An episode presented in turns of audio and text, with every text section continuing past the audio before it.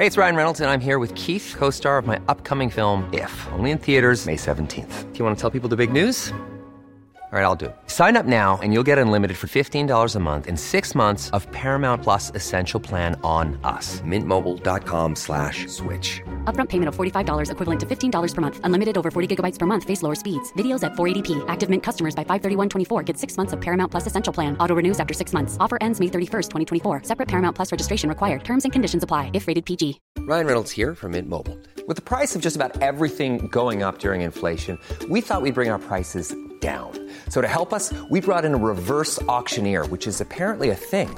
Mint Mobile unlimited premium wireless. Ready to get 30, 30, bit to get 30, bit to get 20, 20, 20, bit to get 20, 20, bit to get 15, 15, 15, 15 just 15 bucks a month. So, Give it a try at mintmobile.com slash switch. $45 up front for three months plus taxes and fees. Promote for new customers for limited time. Unlimited more than 40 gigabytes per month. Slows. Full terms at mintmobile.com. Hi, I'm Daniel, founder of Pretty Litter. Did you know cats tend to hide symptoms of sickness and pain? I learned this the hard way after losing my cat, Gingy. So I created Pretty Litter, a health monitoring litter that helps detect early signs of illness by changing colors, saving you money and potentially your cat's life. Pretty Litter is veterinarian developed, and it's the easiest way to keep tabs on your fur baby's health right at home. Go to prettylitter.com and use code ACAST for 20% off your first order and a free cat toy. Terms and conditions apply. See site for details. God fortsättning röringar och välkomna tillbaka. Idag har ni turen att få lyssna på den andra delen i vårt dubbelavsnitt som vi påbörjade förra veckan. Det kommer nu bli fortsättning på toppjurister som anstiftar om mord på andra toppjurister. Ja, ni vet, ni har ju lyssnat. Precis som vanligt, även detta år, så är det nyans med mig, Kajan. Med mig Paula. Och med mig, Hanna. Välkomna. Då har vi inspelningen igång. Så ja, åklagaren kan väl börja ställa frågor. Det här är Nyans, feministisk true crime med Kajan, Hanna och Paula. Nu kan vi höra om vad du dricker för Glühwein eller vad det hette. ja, men du sa något sånt där. Säg det igen. Glühwein. Hette det inte så? Nej, det, låter som, det, det låter som någon tysk motsvarighet till Estline. Ja men det var ju något tyskt. Ja, Glühwein. Ja okej. Ja, Glühwein. ja, som alltså. Inte så stor skillnad. nej, okej. Som, som alltså är eh, glögg på tyska. Nej, men jag, hade fått, jag fick förra året av min pappa en flaska Glühwein som jag ju eh, traditionalist som jag är kan jag absolut inte dricka annat än i december, så jag har sparat den. Och nu tänkte jag, gud vad mysigt, vi ska ju förinspela här lite jul nyårsavsnitt, den ska vi öppna. Och så, jag hade nog ändå tänkt att det här kommer smaka precis som glögg. Mm. Men det gör inte det. Nähä. Det är lite syrligare, lite friskare och inte lika sött. Det låter i och för sig ganska gott. Det är gott. Men är det starkt? Eller mycket alkohol? Vad var det, 8,5? Det är inte så farligt. Jag tror att är man inställd på att det ska smaka precis glögg och med det här, för det är inte riktigt lika kryddigt heller. För svensk glögg har ju så Mm. otroligt mycket kryddor för att det ska liksom kunna motivera den här sötman. Ja. Så att om man tar ner det, man tänker lite utspätt och så lite sy- mer syra. Ja, men Jag vet inte, det kanske är jätteäckligt. Jag tycker det är svårt på beskrivningen. Jag tänker Ja. att det ska vara gott, men jag vet att jag inte gillar nya smaker så mycket. Så det finns risk att jag tycker det är jätteäckligt. Inte så mycket. Ja. Du, du, jag skulle väl säga att du har en stark aversion mot nya smaker. Ja.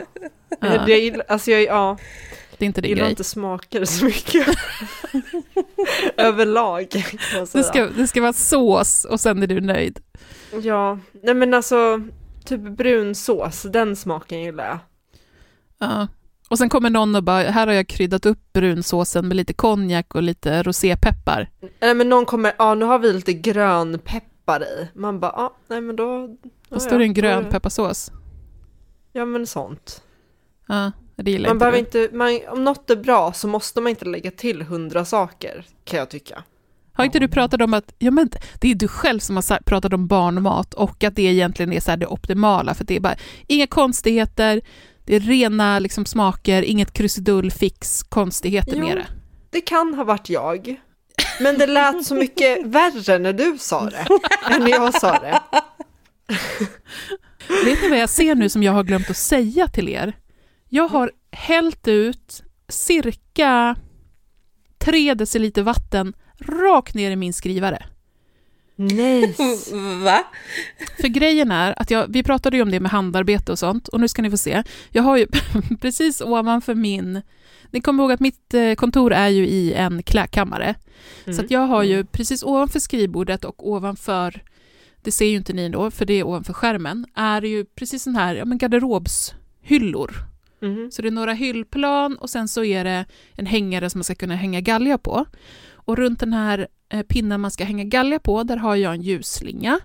Men jag har även en liten sån här ampel i makramé som jag har gjort. Jättefint. Och Alltså är det en växt som hänger eller? Mm, vänta, ska vi se. Just det, makramé, var inte det när du knöt knutar? Så här, en sån har jag. Nu har jag tagit bort Mm. det som hängde i. Men en liten ampel och i den så har jag haft en så grön medicinflaska och så har jag haft en stickling i. Jättefint, jag får lite Mm. grönt, det hänger precis vid fönstret. Men det innebär också att det hänger vatten Mm. precis ovanför min elektroniska utrustning. Så att när jag var lite stressad nu när jag skulle åka iväg eh, ner till Laholm och jag skulle packa och jag skulle ha någonting då eh, som var precis under den, så tippade jag ut hela den flaskan. Nej. Vattnet liksom klunkade ner. Det var en, det samlades en, en pool med vatten i, där papperna liksom kommer upp. Så att nu, och den här skrivaren är ju några månader gammal bara. Och jag nej. köpte också en ganska dyr. För jag Kan du inte lämna den skulle- tillbaka den? Säg att det är något fel på den. Ja, det är verkligen något fel på den. Det är jättemycket. Ja, du ljuger ju inte ens. Du säger bara att det är något fel på den. Det kan ha kommit lite vatten på den, men det var inte Ja. mitt fel. Så just nu så står den upp och ner på handdukar och sen har jag ställt tillbaka allting precis som det var och låtsas om att det här problemet inte existerar.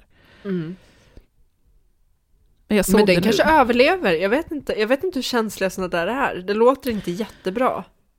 Ha, alltså har den överlevt 3-4 deciliter vatten rakt ner så är det ju den sjukaste jävla skrivaren. Ja. Då kommer jag köpa en sån direkt.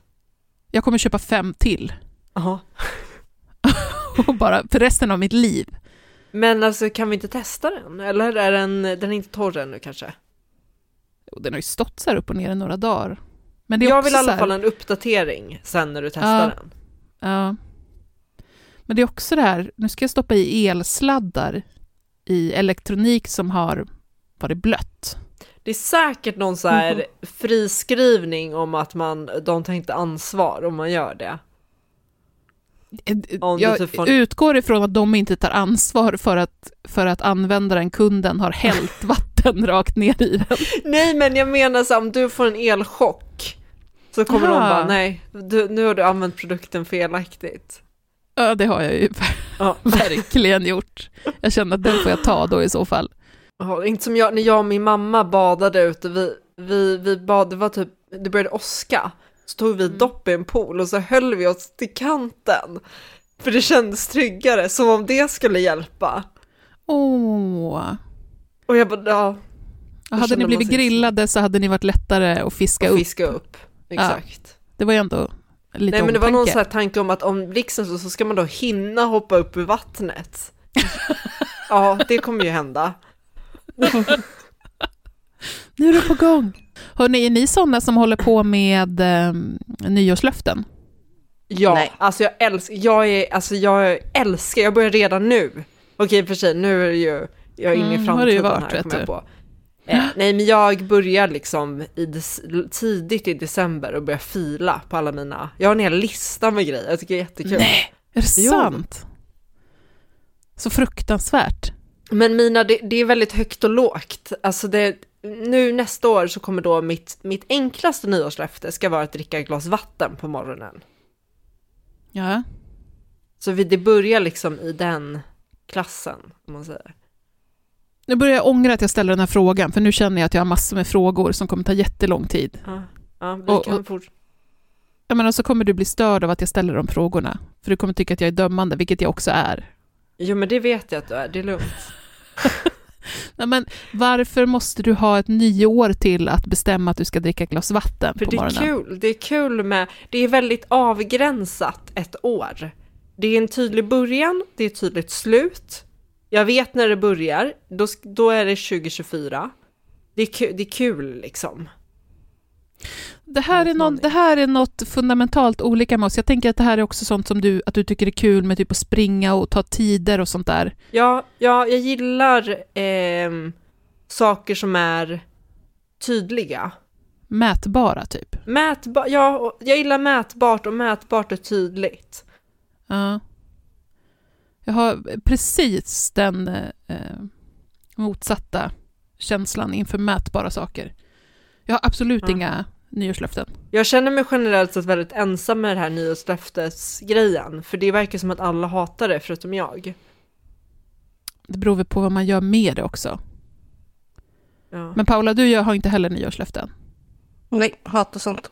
Ja. Men jag har aldrig de här, jag har ju aldrig något sånt här, ja ah, äta nyttigare, alltså jag har ju typ så här, lära mig stå på händer. Alltså ni vet, det, det är Fast är inte grejer. dricka, dricka ett glas vatten varje morgon, är inte det i, ändå i äta nyttigare kategorin? Jo men okej, det är väl det enda, det är det enda, det Okej. kan jag hålla med om. Men det är för att jag, eh, jag har hört att man ska bli mindre tröttare och jag är extremt dålig på att dricka vatten. Ja, men det är väl ja, alltså det är jättebra att dricka Ja. vatten på morgonen. Det är inte... Ja, nej, så, jag nej, förstår bara det, inte och ni varför man vet ju hur jag känner för vattnen. Jag gillar inte vatten. ja, det... nej, sant. men, Mm. men förutom det då, så är det i klassen av roliga saker, som att stå på händer. Nu, nu bröt jag det nyårslöftet, för jag kan fortfarande inte stå på händer.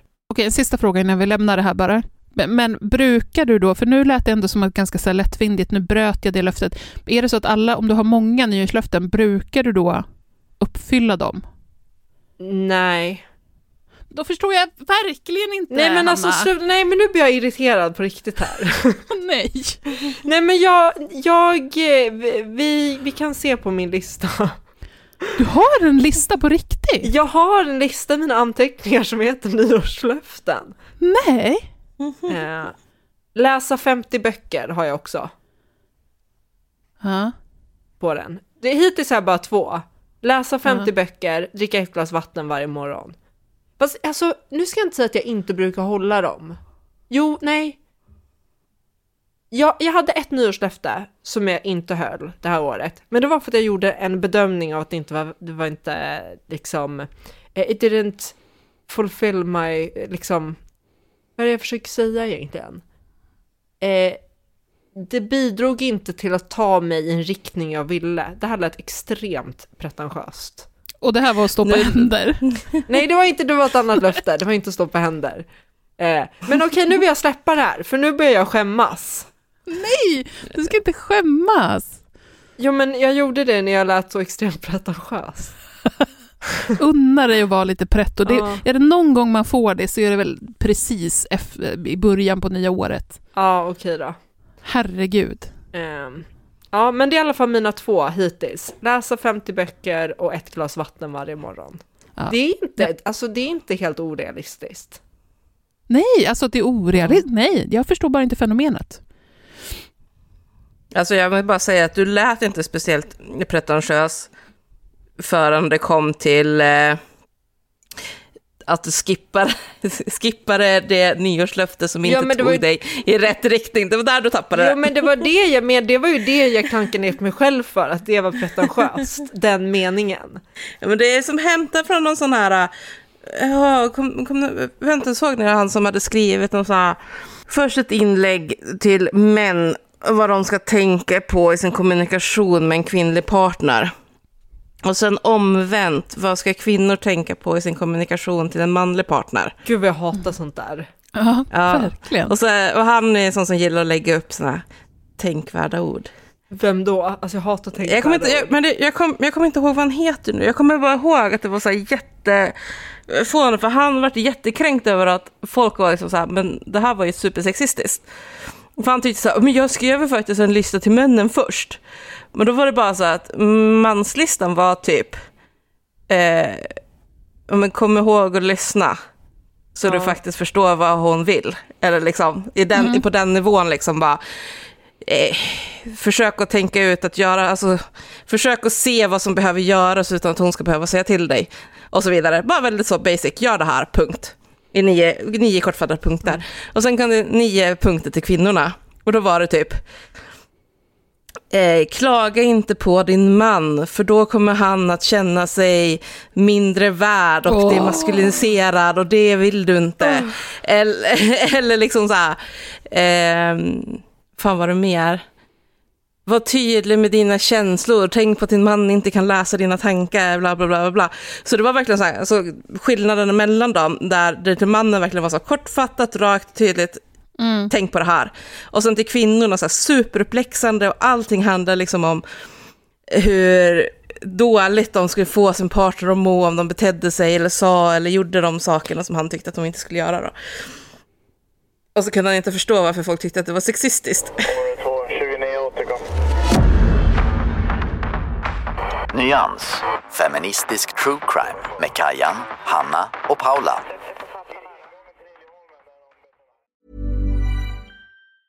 I'm Sandra, and I'm just the professional your small business was looking for. But you didn't hire me because you didn't use LinkedIn jobs. LinkedIn has professionals you can't find anywhere else, including those who aren't actively looking for a new job but might be open to the perfect role, like me.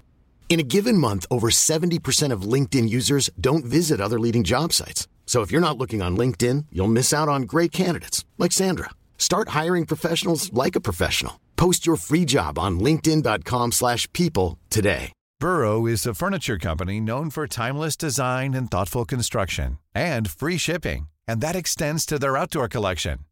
Their outdoor furniture is built to withstand the elements, featuring rust-proof stainless steel hardware, weather-ready teak, and quick-dry foam cushions. For Memorial Day, get 15% off your Burrow purchase at burrow.com/acast and up to 25% off outdoor. That's up to 25% off outdoor furniture at burrow.com/acast.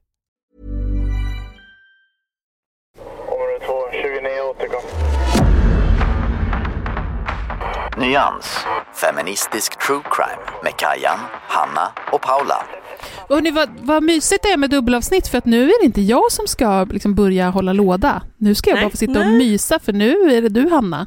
Förra veckan hörde ni ju om det här väldigt speciella fallet eh, med då Karin som lejde torpeder för att då mörda sin exman Henrik. Och det här blir en rättssak i flera omgångar kan man säga. För först då 2020 så döms vi, vi pra, Kajan pratade ju om, om torpederna som T1, T2 och så vidare. Och det är alltså den sista torpeden T5 som vi pratade om som döms för försök till mord i, i både tingsrätt och hovrätt och han döms till 14 års fängelse. Men den domen som vi ska prata om idag rör framförallt Karin som, som eh, blir åtalad för de gärningarna, hennes, liksom med, hennes del i det från 2018 och 2019 när hon då försöker leja, lej, säger man leja? Ja, leja alla de här personerna. Så att det är det vi ska prata om nu. Och eh, åklagaren åtalar dels Karin, dels Anna och T1 och T2 och T3 som vi kallar för Finn. Är ni med på det här? Nej, nu sa jag fel. T, ja, T3, eller Finn är inte någon T alls. Nej, skit, Finn, i- skit i T3. Finn är bara Finn. Finn är bara Finn. Precis, T, T2 och Finn. Precis. T1, T2, Finn, Anna och Karin åtalas allihopa för eh, stämpling till mord och förberedelse till mord. Och vi har ju inte haft stämpling på podden innan och så här skriver Åklagarmyndigheten om stämpling. En form av förberedelse till brott som innebär att en person i samråd med någon annan beslutar att begå ett brott, försöka förmå någon att utföra ett brott eller åta sig att utföra ett brott. Stämpling är straffbart bara vid särskilt allvarlig brottslighet, till exempel mord, terroristbrott eller grov misshandel. Så att stämpling kan alltså vara då liksom flera olika saker i det här fallet. Eller ja, i alla fall. Eh, tingsrätten säger så här om de olika rubriceringarna som det här målet kommer röra. Åtalet omfattar relativt ovanliga gärningspåståenden, och det är då det åklagaren påstår har hänt, som i korthet kan beskrivas enligt följande. Med stämpling avses bland annat någon söker anstifta någon annan eller åta eller erbjuda sig att utföra en gärning. Eh, och att anstifta betyder att försöka övertala någon att göra någonting.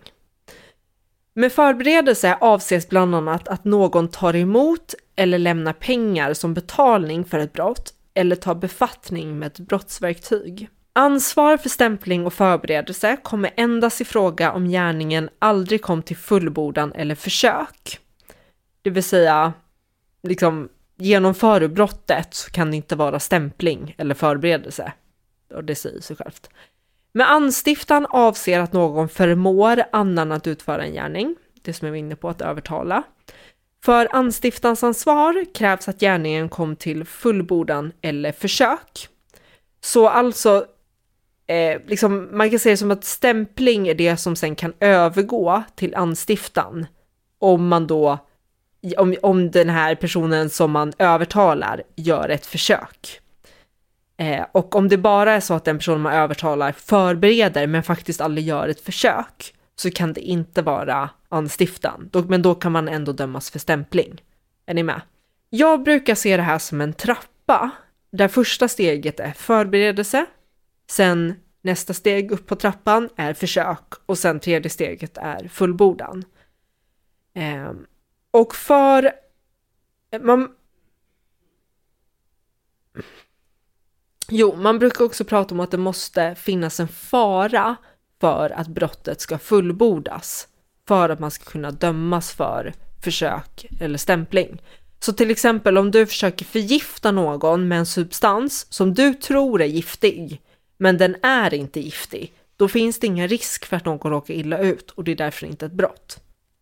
Jag kommer börja med att prata om gärningarna som de står åtalade för för 2018. För det, det är som två separata händelseförlopp, 2018 och sen eh, 2019, som, som åtalet bygger på.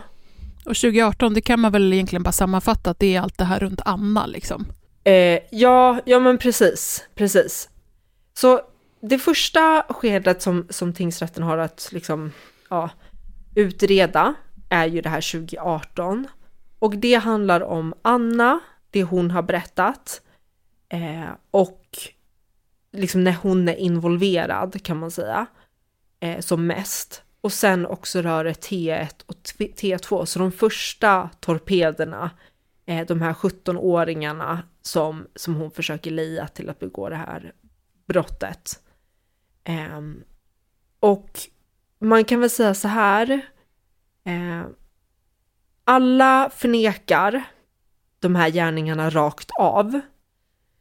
Alla de åtalade, förutom Anna som vidgår de faktiska omständigheterna. Det är ju, det är ju hennes vittnesmål, eller hennes förhör som egentligen allt, hela åtalet bygger på.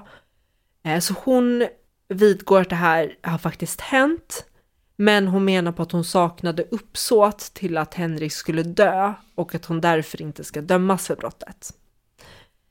Och som jag precis sa så bygger åklagarens bevisning i väldigt stor del på Annas berättelse i tingsrätten. I, i domen så skriver de att det är två hela, hela förhandlingsdagar som hon berättar. Så hon sitter och berättar för rätten i två dagar vad som har hänt och det är det här det bygger på. Och tingsrätten lägger ner ganska mycket tid på att förklara varför hennes eh, hennes berättelse är trovärdig. Eh, och mycket kring det är att hon kan berätta så detaljerat och hon har inga, hon säger inte emot sig själv eh, och tingsrätten menar så här att man kan inte prata i liksom två dagar och inte säga emot sig själv och inte liksom vara osäker på någonting och ha så detaljerat om man inte också liksom har varit med om det här och talar sanning. Sen så får också det hon berättar får stöd av den övriga bevisningen. Så att allt som går att kolla upp som hon har sagt visar sig stämma. Eh, och också hon kan svara på, på försvarets frågor eh, också. Ja. Och visst brukar man liksom också lägga in i att, för det Anna berättar, hade hon inte hört av sig till polisen och berättat det här så hade ju hon hållits helt utanför. Så när man liksom berättar saker som är otroligt graverande för en själv, visst påverkar det trovärdighetsgraden? Definitivt, för grejen är så här, det, att hon är också, att hon själv står åtalad och att hon då potentiellt har någonting att vinna på att få de andra dömda är ju sånt där som är, det är alltid visst eh, det känns inte bra när man bygger liksom ett åtal på, på en gärningspersons eh, berättelse när man står åtalad tillsammans med andra. Men, och det säger tingsrätten också, men i det här fallet så är det precis som du säger Karen, det är inte som att hon försöker spela ner sin egen roll, utan hon säger ju saker som är extremt illa för henne själv. Som, så hon sätter ju sig själv i skiten. 100% sig själv i skiten genom att berätta det här.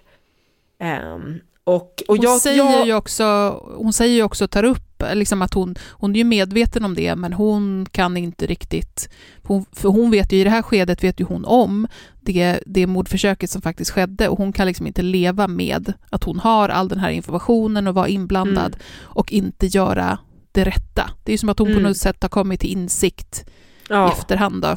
Ja men verkligen. Och jag tycker att tingsrätten, jag håller helt med tingsrättens resonemang kring varför hennes berättelse är trovärdig och att den går att lita på.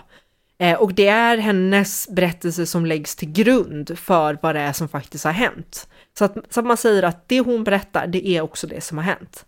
Men de går också igenom väldigt noggrant så här, allt hon påstår och tittar på den övriga bevisningen och så här, Eh, kan förklara varför den får stöd. Så här, det, för det finns, alltså bevisningen består av massa grejer, det är sms-chattar, det är Encrochat-chattar, det är eh, liksom samtal och eh, kameror, alltså vad heter det, ja men klipp från olika kameror, trängsel, skatt, alltså det är allt möjligt jättemycket. Eh, det finns massa vittnen av poliser och tingsrätter, alltså mycket, väldigt mycket. Också med eh, Annas del så är det ju mycket det här med kvitton också för som det här ja. inköpet av kniven och, och över, alltså, ta, hon har tagit de här lånen och tagit ut pengar och som matchar ja. det hon säger. Ja men precis. Och de tittar ju också på de övriga åtalades berättelse och kan se ganska snabbt att här, de ljuger på olika punkter. Till exempel så hävdar ju T2 att han aldrig liksom har haft någonting att göra med Karin men att de inte har pratat med varandra. Men eh, Anna hade en inneboende som kunde vittna om att Karin har varit hemma hos dem och den här T2 och de har suttit och pratat. Eh, ja. Men hur som helst, man kan väl säga så här att tingsrätten eh, summerade som att det, det är det som Anna har sagt som är det som har hänt. Så, så man kan väl säga det, det, det Kajan har berättat om, om händelseförloppet, det är också det som tingsrätten säger har hänt. Eh, och sen eh, så måste man, som vi vet, så är det ju också att man kan ju inte dömas för någonting om man inte har uppsåt. Men egentligen så säger tingsrätten bara att agerar man på det här sättet som de inblandade har gjort så har man också uppsåt. Eh, och när det inte eh, rör sig om en gärning som är fullbordad, så näst, de resonerar inte kring liksom, likgiltighetsuppsåt, avsiktsuppsåt, eh, utan de pratar bara uppsåt generellt och säger att det vanliga uppsåtsgraderingen inte är tillämplig här. Eh, och så tar de upp att de måste haft, alltså man måste haft uppsåt till att Henrik skulle dö. Och det hade de, eh, menar tingsrätten. Och de ska därför dömas eh, allihopa för det som hänt 2018. Sen har vi också 2019 och det rör eh, Finn. Det, 2019 rör Finn och eh, Karin. Karin döms ju också för det som hände 2018, men här så är det eh, då står hon då åtalad för det som hände 2019 så är det försök till mord som då Finn eh, står åtalad för och Karin för anstiftan till försök till mord. Som är det som påstås. Och det är ju hela liksom mordförsöket. Och jag vet inte om ni minns det, men Finn var alltså med när eh, T5, han var där tillsammans med T5 när T5 eh, begick mordförsöket som man sen också dömdes för. Jo, Karin och Finn förnekar det här. Visst kan man väl förstå det som att Finn liksom är mellanhanden då, alltså att han är ju den som Karin har kontakt med eh, för att ordna med det här mordet och sen så är det Finn som liksom anlitar eh, personen som sen eh, också fälls, Billy. Ja, så fattar jag det också som. Och tingsrätten drar också typ slutsatsen att han var också där som, som typ att om... Men vänta, sa vi hans namn nu? Vi kanske använder det hela tiden? Billys ja. Ja. Aha. Varför säger jag T5 då? Det vet jag inte. Okej, Billy heter han. Jag vet inte varför skit heter T5 och Billy, samma person. Eh, jo, tingsrätten är också inne på att Finn var där som någon slags backup för det fall att eh, Billy, eh, a.k.a. T5, att om han inte skulle lyckas genomföra det. Så, så jag vet inte om det, det stämmer, men det är tingsrätten i alla fall inne på det som ett tänkbart scenario. Eh, men det blir ju en fråga huruvida eh, huruvida Finn ska dömas som som också som medgärningsman för försöket, försök till mord eller som medhjälpare till försök till mord. Eh, tingsrätten skriver så här. Finn har som medhjälpare främjat mordförsöket. Medhjälpsgärningen innefattar dock inte någon våldsanvändning. Det är heller inte utrett att medhjälpsgärningen hade någon särskild betydelse för att mord försöket skulle bli av. Eh, straffvärdet för Finns medhjälpsgärning bedöms motsvara fängelse drygt sex år. Eh, men hur som helst, även liksom i den här delen så bygger en stor del av bevisningen på Annas vittnesmål. Som sen då får stöd av chattar och Eh, ja, men allt som jag var inne på innan. Men som sagt, även här så, så bygger mycket på det. Och tingsrätten tar också upp saker som att det, alltså, eller så här, det finns bevisning som, som visar att Karin fortsätter försöka leja, leja eh, gärningsmän som är villiga att göra det här, att hon också försöker få till träffar med Henrik, alltså boka falska möten där då man ska kunna så här, locka ut honom för att sen genomföra det här. Att hon till exempel ringer en massa gånger till tingsrätten för att höra var, om han har förhandling och var han är och sånt där och trackar honom. Tingsrätten tar också upp att det, det vore väldigt konstigt om hon helt plötsligt från ingenstans skulle släppa det här, eh, att få honom mördad från att ha haft det som sitt enda fokus i livet i princip. Eh, och på samma sätt så resonerar man som man gjorde med 2018 kring uppsåtet, att man inte agerar på det här sättet om man inte har uppsåt till att, till att, person, till att Henrik då skulle dö. Och man kan säga så här, eh, när det kommer till påföljden för Karin så säger tingsrätten så här. Karin har gjort sig skyldig till förberedelse till mord som var 20 års, 2018 års gärning och också skyldighet till anstiftan till försök till mord som avser 2019 års gärning. Ändå menar tingsrätten att hon bara ska dömas för brottet 2019. Och de resonerar så här. Karin har gjort sig skyldig till förberedelse till mord och anstiftan av försök till mord. Frågan är om hon ska dömas för båda brotten eller om förberedelsegärningen ska anses medbestraffad, inom parentes konsumerad, av anstiftningsgärningen. Det anses råda en presumtion att den som begår flera brott ska dömas för Eh, för dessa, liksom alla brotten. Om ett brott inte nämnvärt påverkar det sammanlagda straffvärdet kan det tala för konsumtion av det minsta straffvärda brottet.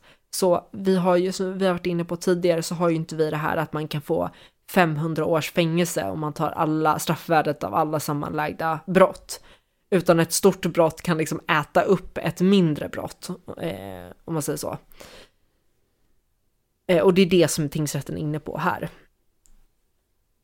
För att betrakta viss brottslighet som medbestraffad bör det finnas ett tydligt samband mellan de olika brotten. Till exempel att de utgör ett led i samma brottsplan eller har samma angreppsobjekt.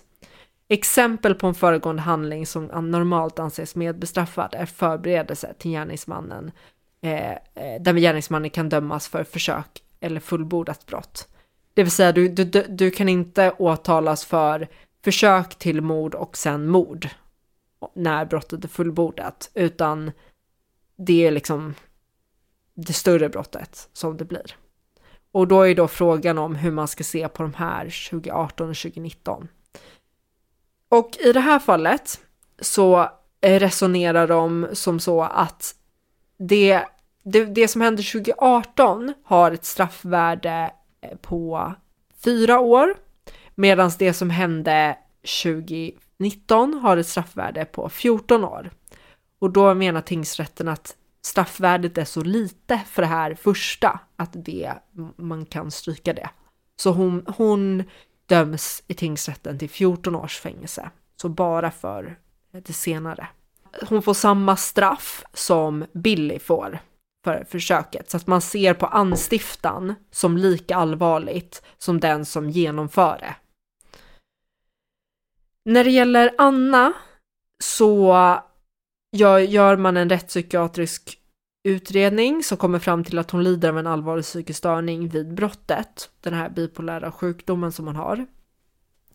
Eh, och när, när man gör det så ska man ju som huvudregel inte dömas till fängelse.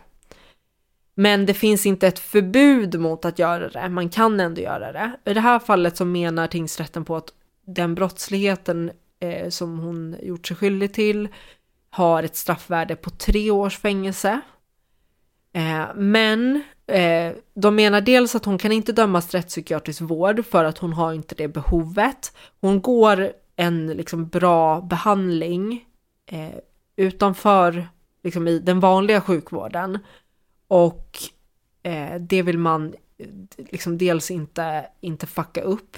Men sen också så har hon, det finns flera förmildrande omständigheter i det här fallet som påverkar. Eh, dels att det är utan hennes, om hon inte hade gått och berättat för polisen vad som hade hänt så hade inte det här kunnat bli något åtal överhuvudtaget.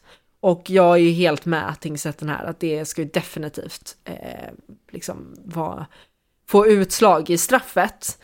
Eh, sen tar man, jag tyckte det var lite intressant, tingsrätten tar också upp som förmildrande omständighet eh, och de beaktar det här, jag ska läsa. Vid en straffmätning skulle även i hög grad beaktas att hon till följd av att hon lämnat uppgifter om sina medbrottslingars medverkan levt och sannolikt för en tid framöver kommer att leva under hot om allvarliga repressalier. Så de tar med som förmildrande omständighet eh, att, att det faktum att hon då har kallat på de andra gör att eh, ja, hon lever eh, under fara. Som en, det är också en förmildrande omständighet. Och i slutändan så, så döms hon till skyddstillsyn. Och då är då tanken att hon ska ha, bli, ha den här övervakningen då, att hon får eh, behöva kontakt med frivården eh, och ja, checka in med dem. Eh, och att hon håller sig till vissa regler. Eh, så det, det landar i det. Eh, T1 och T2 döms båda två till skyddstillsyn. Eh, och där tar man bland annat, de är ju 17 när det här händer. Eh, så det tar man också upp. Men jag ska väl också säga att det här hände ju precis innan många av de här straffskärpningarna vi har sett. Det här hände 2019 och 2020 så, så skärps ju straffen för bland annat mord. Um, Så, att, så att det är liksom precis innan. Och även om den här domen är från 2021 så ser man ju på det som om det, det är ju liksom hur lagarna såg ut när man gjorde det som är relevant. Och eh, det här överklagas eh, av alla förutom Anna. Hon överklagar inte. Och hovrätten fastställer finns dom, T1 och T2s dom och gör inga ändringar där. Karins dom fastställs också, men med två ändringar. Dels så höjer hovrätten straffet med ett år till totalt 15 års fängelse. Hon döms också i hovrätten för separat för förberedelse till mord utöver anstiftan till försök till mord. Och det gäller då det från 2018 eh, som tingsrätten menades konsumerades av det allvarliga brottet anstiftan 2019. Och hovrätten håller inte med om det utan de menar på att det är så pass allvarligt och har så pass högt straffvärde på fyra år att det ska, ska beaktas. Och där tar, jag kan läsa lite vad hovrätten säger eh, om varför de resonerar så här. Och de menar på att det har rört sig om skilda brottsplaner, låt vara med vissa liknande inslag och olikt tilltänkta utförare. Därtill bör beaktas att förberedelsegärningarna i enlighet med hur åtalet utformas avslutade ti avslutades tidigt hösten 2018 och att anstiftningsgärningarna påbörjades under våren 2019, så det har gått ganska lång tid däremellan. Gärningarna har således inte heller haft ett sådant tidsmässigt samband att det på grund av detta finns skäl att anse förberedelserna som medbestraffade. Samt, sammantaget anser hovrätten att det inte finns tillräckliga skäl att frångå den presumtion som gäller för att den som begår flera brott också ska dömas för dessa. Karin ska därför dömas särskilt för både förberedelse till mord och för anstiftan till försök till mord. Och sammantaget så anser tingsrätten att straffvärdet är 15 års fängelse.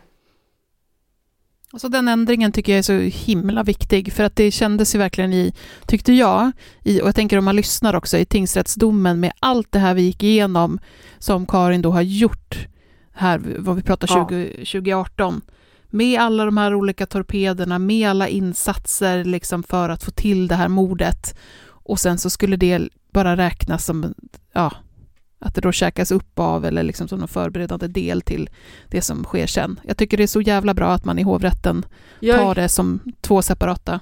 Jag håller helt, helt med om det. Eh, helt enig om att det borde att, att, att hovrätten gör rätt att döma för båda två. Och också det här att de, de, de är så pass skilda. Det går lång tid emellan. Och det, liksom, det rör andra personer som är inblandade i det. Så ja. det, är, det är helt olika brottsplaner, det blir bara superkonstigt om man inte ska dömas för det. Det är ju så här, ja men ett, jag, jag, jag rånar en ICA och sen rånar jag en annan ICA ett år senare. Nej men då är det mm. samma, det är, fast bara, alltså, det Nej. blir jättekonstigt. Eh, och det blir också för, jag tänker också för eh, Henrik, alltså brottsoffret, mm. så har ju han, alltså han har ju känt sig övervakad, liksom eh, hotad eh, under ganska så lång tid. Och att då verkligen få känna att det här är allt det som försiggick där under 2018, att det verkligen tas med som ett eget och tas upp och på något sätt då också jag vet inte, ja. Ger legitimitet till allt ja. det som han upplevde själv. Ja men verkligen, alltså ur, ur ett brottsofferperspektiv så blir det ju mm. jätteproblematiskt om man säger att den här gärningen kommer vi anse eh, konsumerad av de andra brotten. Ja, bara det, det, eh, Som det att lurade, den inte räknas. Det lurade en man i buskarna utanför ditt hem med en kniv och ja. var liksom eh, ett litet beslut ifrån att attackera dig. Men sen blev det ju året efter blev det ju skjuten, så att det kommer liksom trumfa. Det här ja. första försvinner mer eller mindre. Jag tror jag sa lite fel innan, jag gav ett exempel på det här med att Sverige har att man, det är för sig sant, men, men det här med att, att Sverige har det här att man inte kan dömas för till en miljon år i fängelse för att man liksom straff, man får mindre straff om det går på väldigt många brott per per brott liksom. Det har, in, det har inte med det här med att konsumeras att göra. Bara så att du vet. Okej. Men det, det är också en, för att, för att som, som i det här fallet så är ju den första gärningen hade ju ett straffvärde på fyra år. Men det blir ju inte plus fyra år till, till det, den andra gärningen som hade 14 år. Då hade det ju blivit 18 år. Så att hon får ju ett år extra för det. Men vänta, vi ska, vad är skillnaden om jag försöker tänka? Eh, alltså om du mördar någon, om du har ihjäl någon och så kanske du har också misshandlat den innan. Det är konsumering. Ja. Alltså det, då kan det brottet konsumeras av det värre. Eller det här med förberedelse eh, konsumeras. Medan det här med straffet, du kan fortfarande dömas. Låt säga att du begår flera olika misshandlar. Eller jättemånga våldtäkter. Då döms du ju, kan ju du ju dömas för var och en utav dem. Men du kommer ju inte få, om du hade dömts för en så kanske låt säga att du får fem års fängelse. Då får du ju inte fem plus fem plus fem plus fem plus fem som blir 25 års fängelse. Ja, just Då det. blir det ju, om man sprider ut det, så blir det ju mindre straff per. Det är, och det är ju det som kan bli, jag vet att vi har diskuterat det förut, men det kan ju också skapa ur brottsoffers perspektiv, så kan ju det skapa situationer då det blir väldigt kort fängelse för, liksom, per gärning i vissa extrema situationer. Det finns ju fall då, då alltså eh, just när det kommer till våldtäkter, så här, när det rör sig om så här hundra stycken eller någonting. Mm. Och då, blir då, då blir ju själva straffet per våldtäkt väldigt lågt. Just det. För att man inte plussar det i en enkel ekvation. Nej, nej. Ja men precis. Ehm, ja. Fast det och tänker man motsvarande i, ja men säg som i USA, du får eh, 750 år. Eh, det är ju inte som att, att de 750 åren kommer innebära alltså en Nej, det 750-årig är ju en livstids. påföljd. Ja. Ja. så det är ju mer Ja, semantik men det kan ju också skapa en, en jättebisarra situationer då man, om man begår ett relativt lindrigt brott, men upprepade gånger, så kan ju det resultera i ett, att straffvärdet blir högre än en allvarlig brottslighet, som är moraliskt mycket mer klandervärd. Just det. Och det blir också, det känns ju också fel liksom. Ja. Just det. Att du gör jättemånga av, av vad ska man ta för exempel då? Ja men typ stölder. Ja, Och så får du ett högre straff för någon som har rånmördat någon liksom. just det. det, det är instinktivt så känns ju det fel. För att stöld rör saker liksom. Den, ja, det som är intressant med den här domen är ju också det här, jag vet att vi har varit inne på det tidigare, hur ovanligt det är med just anstiftans, att någon döms för anstiftan till mord. Och jag försökte hitta någon statistik på exakt hur ovanligt det är, men eh, jag hittade ingen, utan det jag hittade var lite olika artiklar där man tar upp det här. Bland annat en artikel från HBL, vad, vad är det för tidning? Jag ska bara säga, HBL är Huvudstadsbladet eh, och det är en svenskspråkig politiskt obunden dagstidning som ges ut i Helsingfors. Det är en bra källa. Okej. Eh, den 30-åriga kvinnan kan bli den sjätte över 20, o- över 20 år som döms för. Den sjätte på över 20 år som döms för anstiftan till mord. 2012 är det här.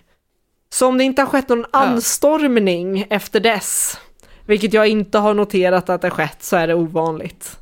Det har väl i och för sig varit en del med eh, i och med eh, gängkriminaliteten och, Mm. den typen av attacker. Definitivt. Så att en ökning har det väl säkert varit. Ja, men ja det tror jag definitivt.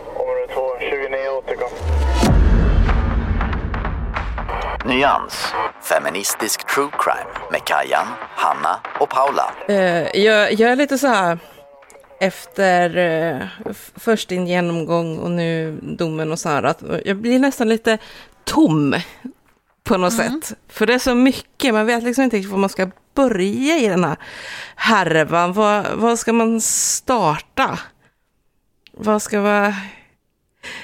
Det är ju lite som vi sa där i förra avsnittet, att lite känns det ju som ett dåligt svenskt manus till ett försök att göra en Hollywood eh, thriller-film liksom. Ja, och jag kände nästan det nu, att nu blev jag lite så orolig när jag kollar tillbaka, så här, har jag pratat om det för lättsamt? För det är liksom, för det, och det ska vi ju vara Nej. jättetydliga med, att det här är ju liksom ett fruktansvärt och långt pågående brott, så det är ju superallvarligt. Men det har ju de här bizarra inslagen som gör att man blir kär, Åh herregud. Och så är det hundbajspåsen och sen är det guldtackorna och sen är det linsvätskan och så är det T5 och så är det T... Alltså det... Ja, men jag vet inte om det är någonting så här med, med hela grejen, att det här är folk som man tänker ska veta bättre. Eller folk, men, men hon är någon som borde veta bättre. Lite samma sån här känsla av förvirring och tomhet som man känner någonstans när en polis åker fast för världens bedrägeribrott eller misshandel av sin partner eller liknande. Och man blir liksom så här, bara, men du om någon ska veta bättre än så här. Skärp dig! Mm. Men det, och lite den känslan har nu också, liksom, att någon som är ändå liksom toppadvokat och suttit i, alltså, bara vad fan, du ska kunna, du om någon ska kunna bete dig som folk. Mm. Lite den känslan. Samtidigt så visar det ju bara så himla tydligt hela det här att det, det är inte någonstans på något sätt sitter i nivå av utbildning eller rikedom eller whatever. Om någon kan tänka sig vara kapabel till riktigt läbbiga jävla brott. Mm. Det tycker jag blir supertydligt här. Liksom, just när det blir de här äh, som sitter på all kunskap och kanske också därför någonstans tänker sig att de vet vad man tittar på i domstolar. De, de vet och, och därför ska kunna komma undan, sudda ut sina spår på ett annat sätt. Ja, men det finns ju en väldigt konspiratorisk gr liksom, eh, grund i det, eller en rädsla i det. Att det Mm. är just de här personerna som vet hur man överlistar systemet som kanske gör de värsta sakerna. Ja, men det är lite den känslan man får liksom av det här att hon säkert tänkte någonstans att jag kan det här. Jag kommer inte åka dit. Men nu... Mm. Sen är hon ju hon- klantig mer, alltså dels det här att Encro, man kommer åt innehållet i Encro i chattarna, det som skrivs mellan henne och Finn. För, det, Mm. för den kontakten hittar man ju på span. För, för, för det, det jag har svårt att få ihop är ju just den här, det är många saker som är så otroligt klantiga. Och samtidigt är det saker Mm. som är så otroligt manipulativa och beräknande. Mm. Så, så att jag har svårt att veta vilket som är ett spel och vi- vilket som, alltså vad som är vad. Mm. Och det är ju också det här i när man sitter och lyssnar på ljudupptagningarna, alltså det är ju Alltså, och 100% skulle jag vara en väldigt smart och väldigt manipulativ person, ja, det skulle väl kanske vara den linjen jag skulle gå på också.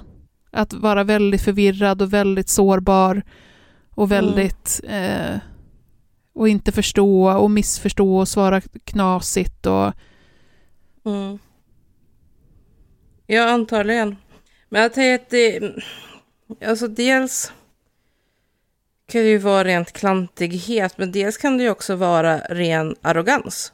Om vi nu ska gå tillbaka på spåret, liksom att hon tänker sig med sin kunskap och sådär, att, att hon överlistar.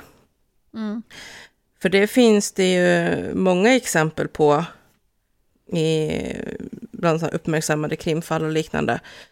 När eh, personer åker fast helt enkelt för att de är så jävla klantiga till sist, för att de har klarat sig undan så länge. Mm.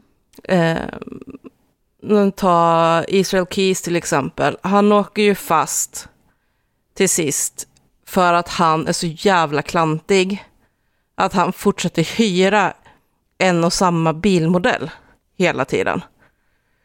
Så att när polisen liksom går ut med larm om att de har span på en specifik typ av bilmodell så fortsätter han att hyra exakt den bilmodellen i exakt samma färg hela Och vem tiden. var Så han? Berätta. Eh, Det är en amerikansk seriemördare. Mm. Och han kom undan jättelänge för att han hade ett arbete där han kunde resa runt mycket. Så han bodde i Alaska. Men reste runt så att han begick eh, mord i jättemånga olika delstater.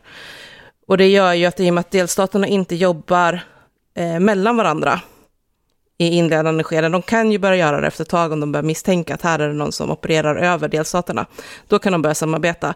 Men inledningsvis så får ju inte polisen eh, delger saker mellan delstaterna. Så att om han begick då ett brott, nu kommer jag inte ihåg vilka delstater han var i, men säg att han begick ett mord i Florida och sen ett mord i Oklahoma. Och då hade liksom inte poliserna där någon möjlighet att se likheter i de här morden.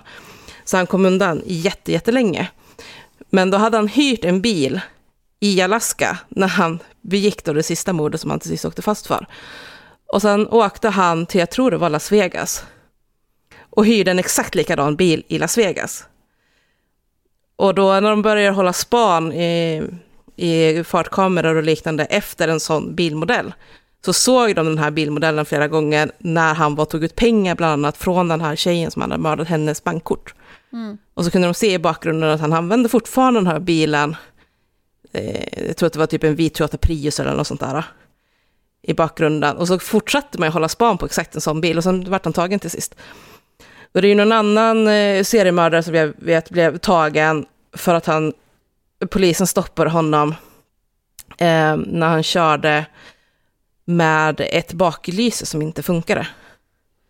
Så de stoppade honom Ja. för baklyse och tyckte att han verkade lite märkligt nervös och krävde att få genomsöka bilen och då hittade de ett, en mördad kvinna i bilen. Så han åkte fast på det.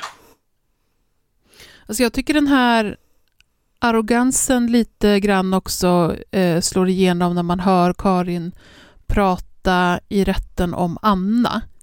För att det är ju, det kan hon ju inte komma ifrån, att det, att det här att Anna har trätt fram och berättat de här sakerna är ju det som liksom framförallt har satt henne i skiten. Eh, Mm. Och hur hon då väljer att förhålla sig till Anna tycker jag är, är ganska Mm. talande.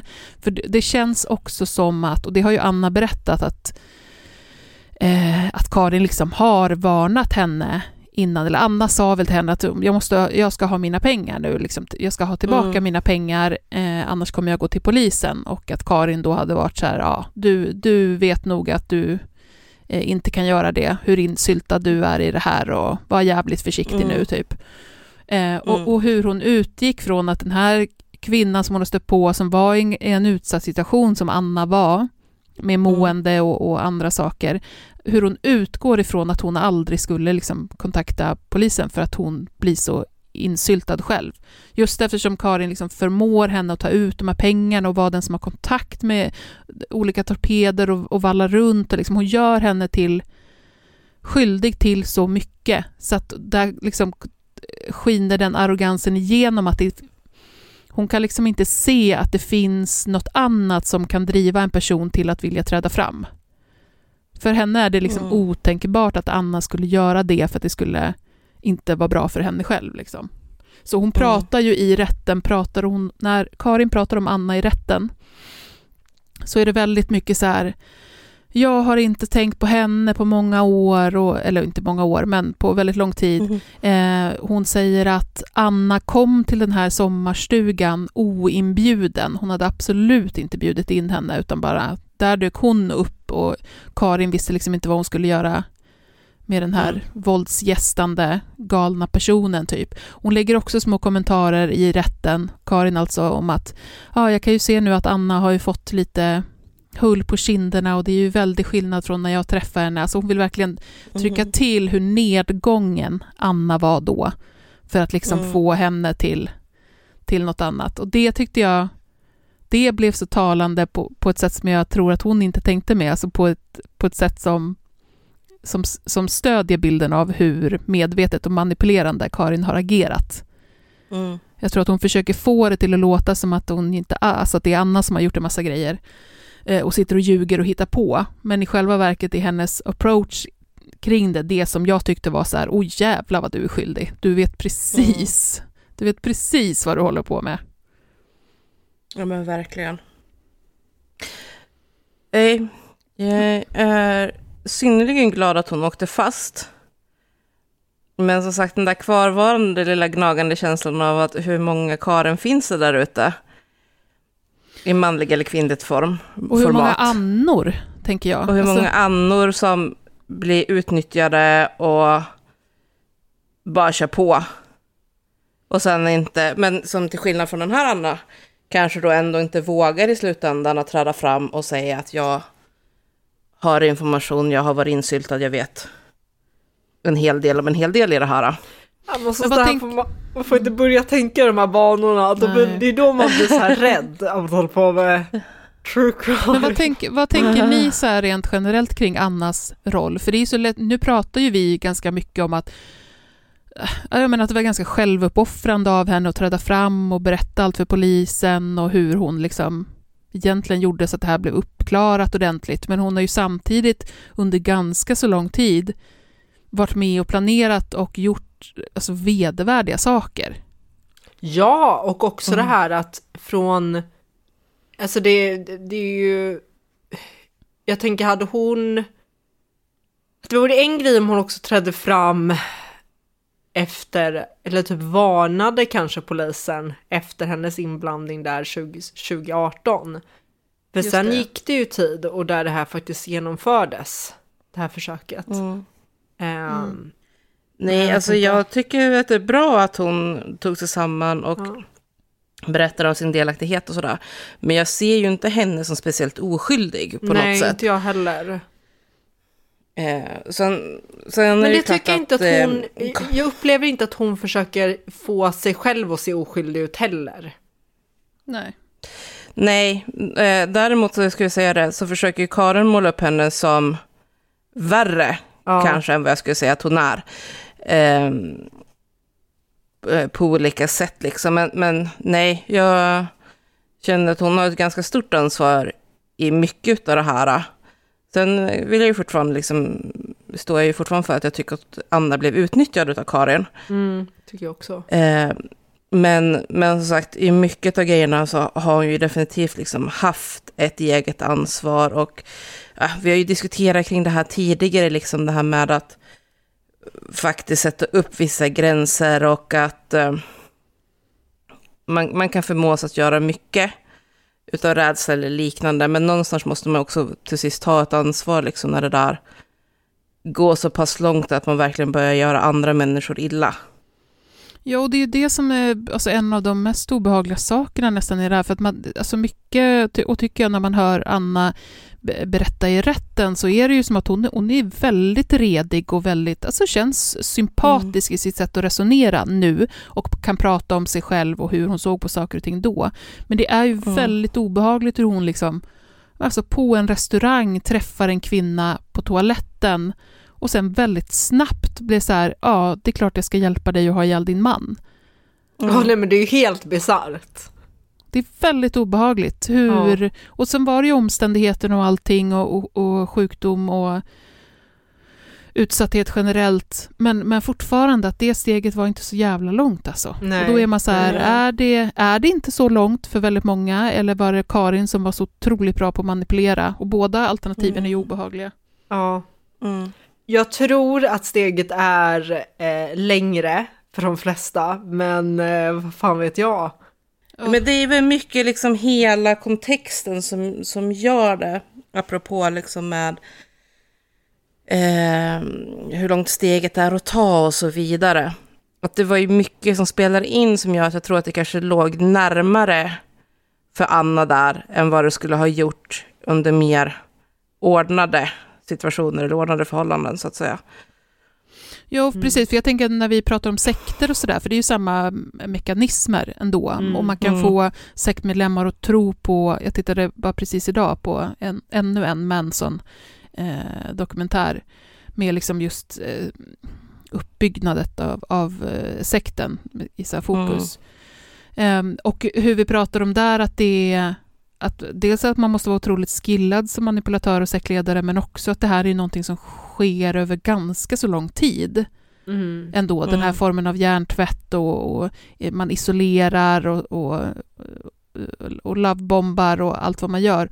Här har det gått så jävla fort liksom. Men då är Mm. väl det omständigheterna då. Och, eh, Mm. Mm. Jo, och jag menar, det är ju inte alla eh, situationer när det kommer till sekter heller, där det tar superlång tid. Alltså jag menar när jag pratar om de här Until Kids till exempel, Mm. så tog det ju mindre än ett år. Ja. Att, att få dem att överge allt, flytta ut till ingenstans och börja mutilera sig själva. Mm. Nej, visst. Och, så, här, och där kan man ändå känna någon sorts att det, för egen del i alla fall, så vet fan om det inte hade varit en längre sträcka på något sätt att börja kunna tänka tanken att ja, men jag ska nog faktiskt hugga av mig mitt eget finger. Mm. Just för att det är någonting man upplever så starkt inom sig själv också när smärtan kommer direkt på en själv. Men är nog lättare på ett sätt att tillfoga någon annan smärta än att göra det mot sig själv. Ja, men också hur det samspelar med hela så här systerskapspraktiken och, och här Mm. är det en Mm. utsatt kvinna som berättar för dig om hur fruktansvärt utsatt och ansatt hon är av det här monstret till man. Och, Mm. och hur du måste liksom steppa upp för din syster Mm. och göra det som krävs för att skydda henne på något sätt. Område 2, 29 återkom. Nyans. Feministisk true crime med Kajan, Hanna och Paula. Eh, veckans snackis, då ska vi prata om hovrätt. Då har, eh, vad fan har de låst artikeln? Eh, jag var ganska säker på att det var Svea hovrätt. Som har eh, egentligen bara bekräftat en dom. Där en man har dömts för våldtäkt. Trots att han har försökt att hävda då sexomni.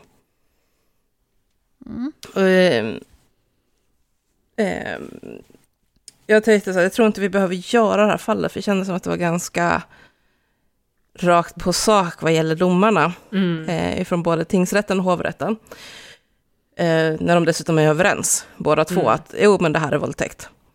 Så mannen har eh, lagt fram bevis för att det förekommer sömnstörningar i hans släkt. Han har lagt fram bevis på att han själv har eh, gått i sömnen och sådana grejer. Han har till och med lagt fram bevis för att han har utfört sexuella handlingar i sömnen vid tidigare tillfällen. Men han fälls ändå. Så det är alltså inte Då bara kan man undra varför, när vissa andra har lagt fram... Nej, för det är vissa andra som har hävdat sömnstörningar där rätten då istället har sagt att nej, vi kan inte utesluta det, så därför går den här mannen fri.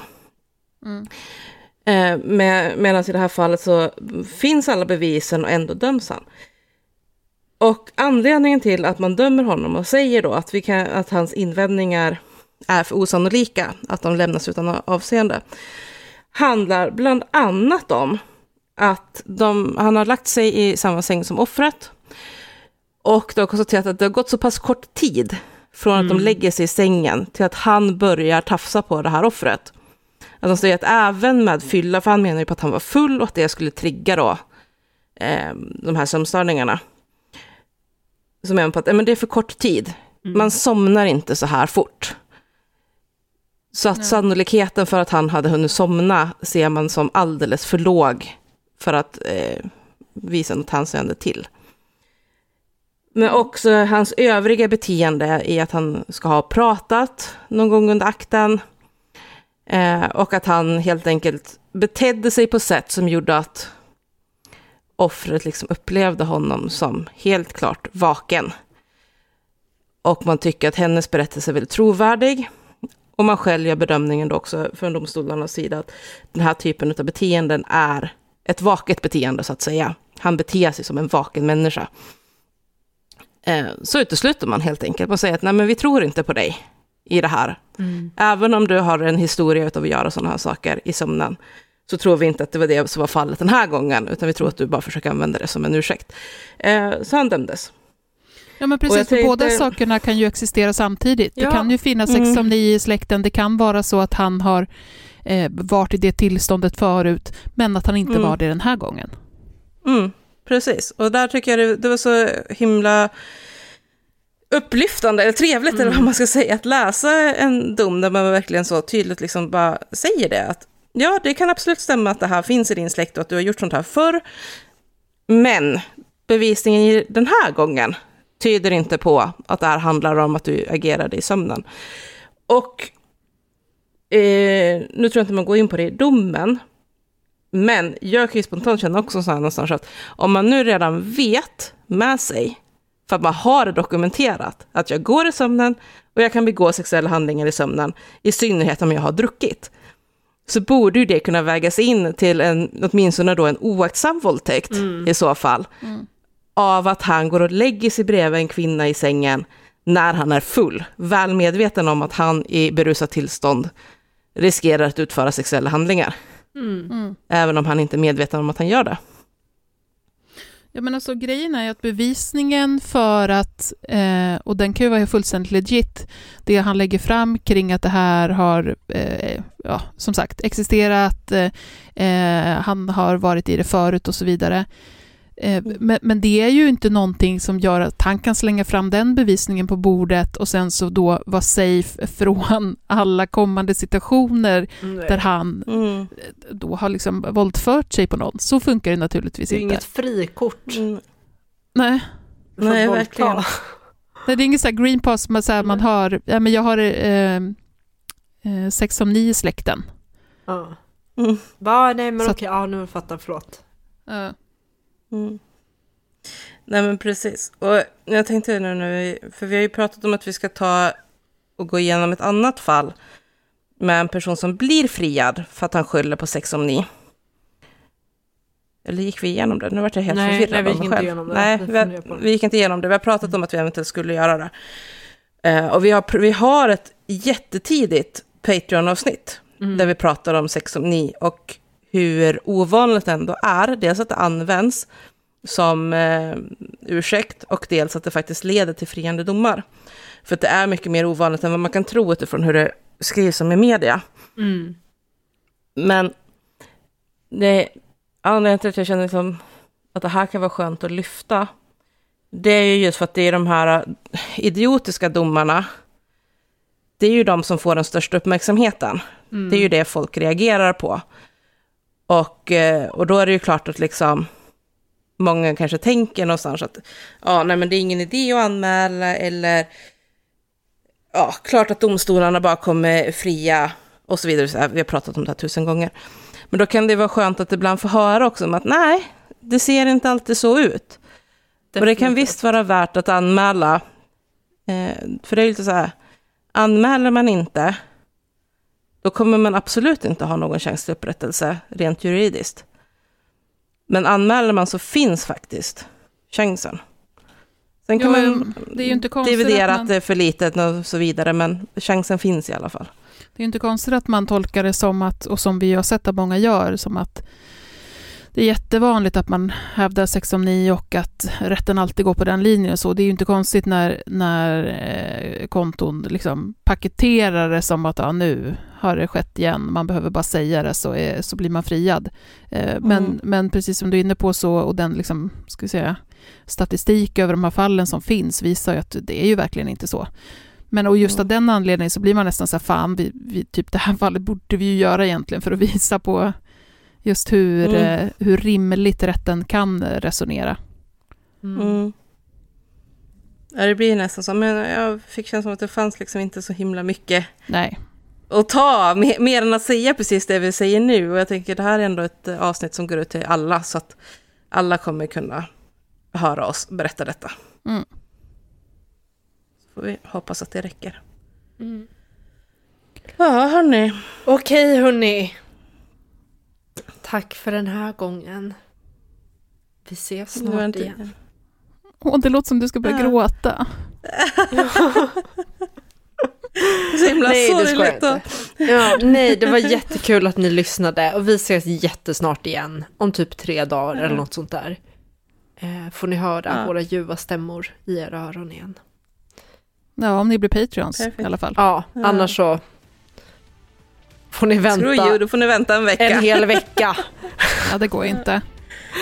Så Bli in och bli Patreon just precis nu, för då har man ju ett Ja. helt dubbelavsnitt att lyssna på direkt. Förutom Ja, allt annat som finns. Så nu, den här sekunden. Mm. Ehm, och gå in och ge oss fem stjärnor och allt det där. Ni vet vad ni ska göra. Adjö! Hej, adjö. Hej då.